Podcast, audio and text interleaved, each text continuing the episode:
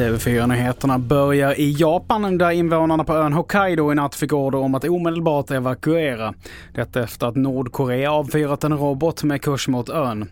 Men roboten ändrade plötsligt färdriktning. Nordkoreas ledare har de senaste dagarna uppmanat till en förstärkning av landets försvar på ett mer offensivt sätt efter vad man kallar amerikansk aggression.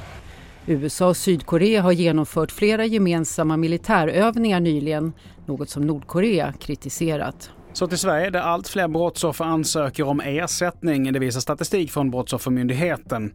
Under årets första månader har 400 fler ansökningar kommit in än samma period från föregående år.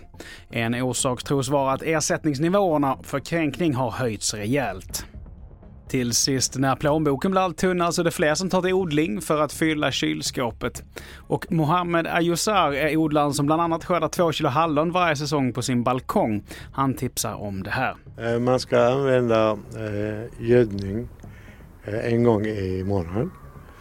Och eh, plus eh, kaffe eh, så kan man lägga också i jord. Fler nyheter hittar du på tv4.se. Jag heter Mattias Nordgren.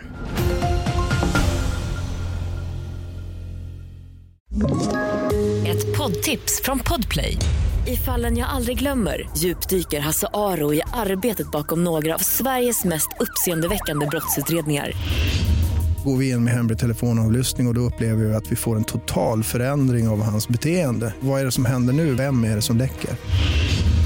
Och så säger han att jag är kriminell, jag har varit kriminell i hela mitt liv men att mörda ett barn, där går min gräns. Nya säsongen av Fallen jag aldrig glömmer på Podplay.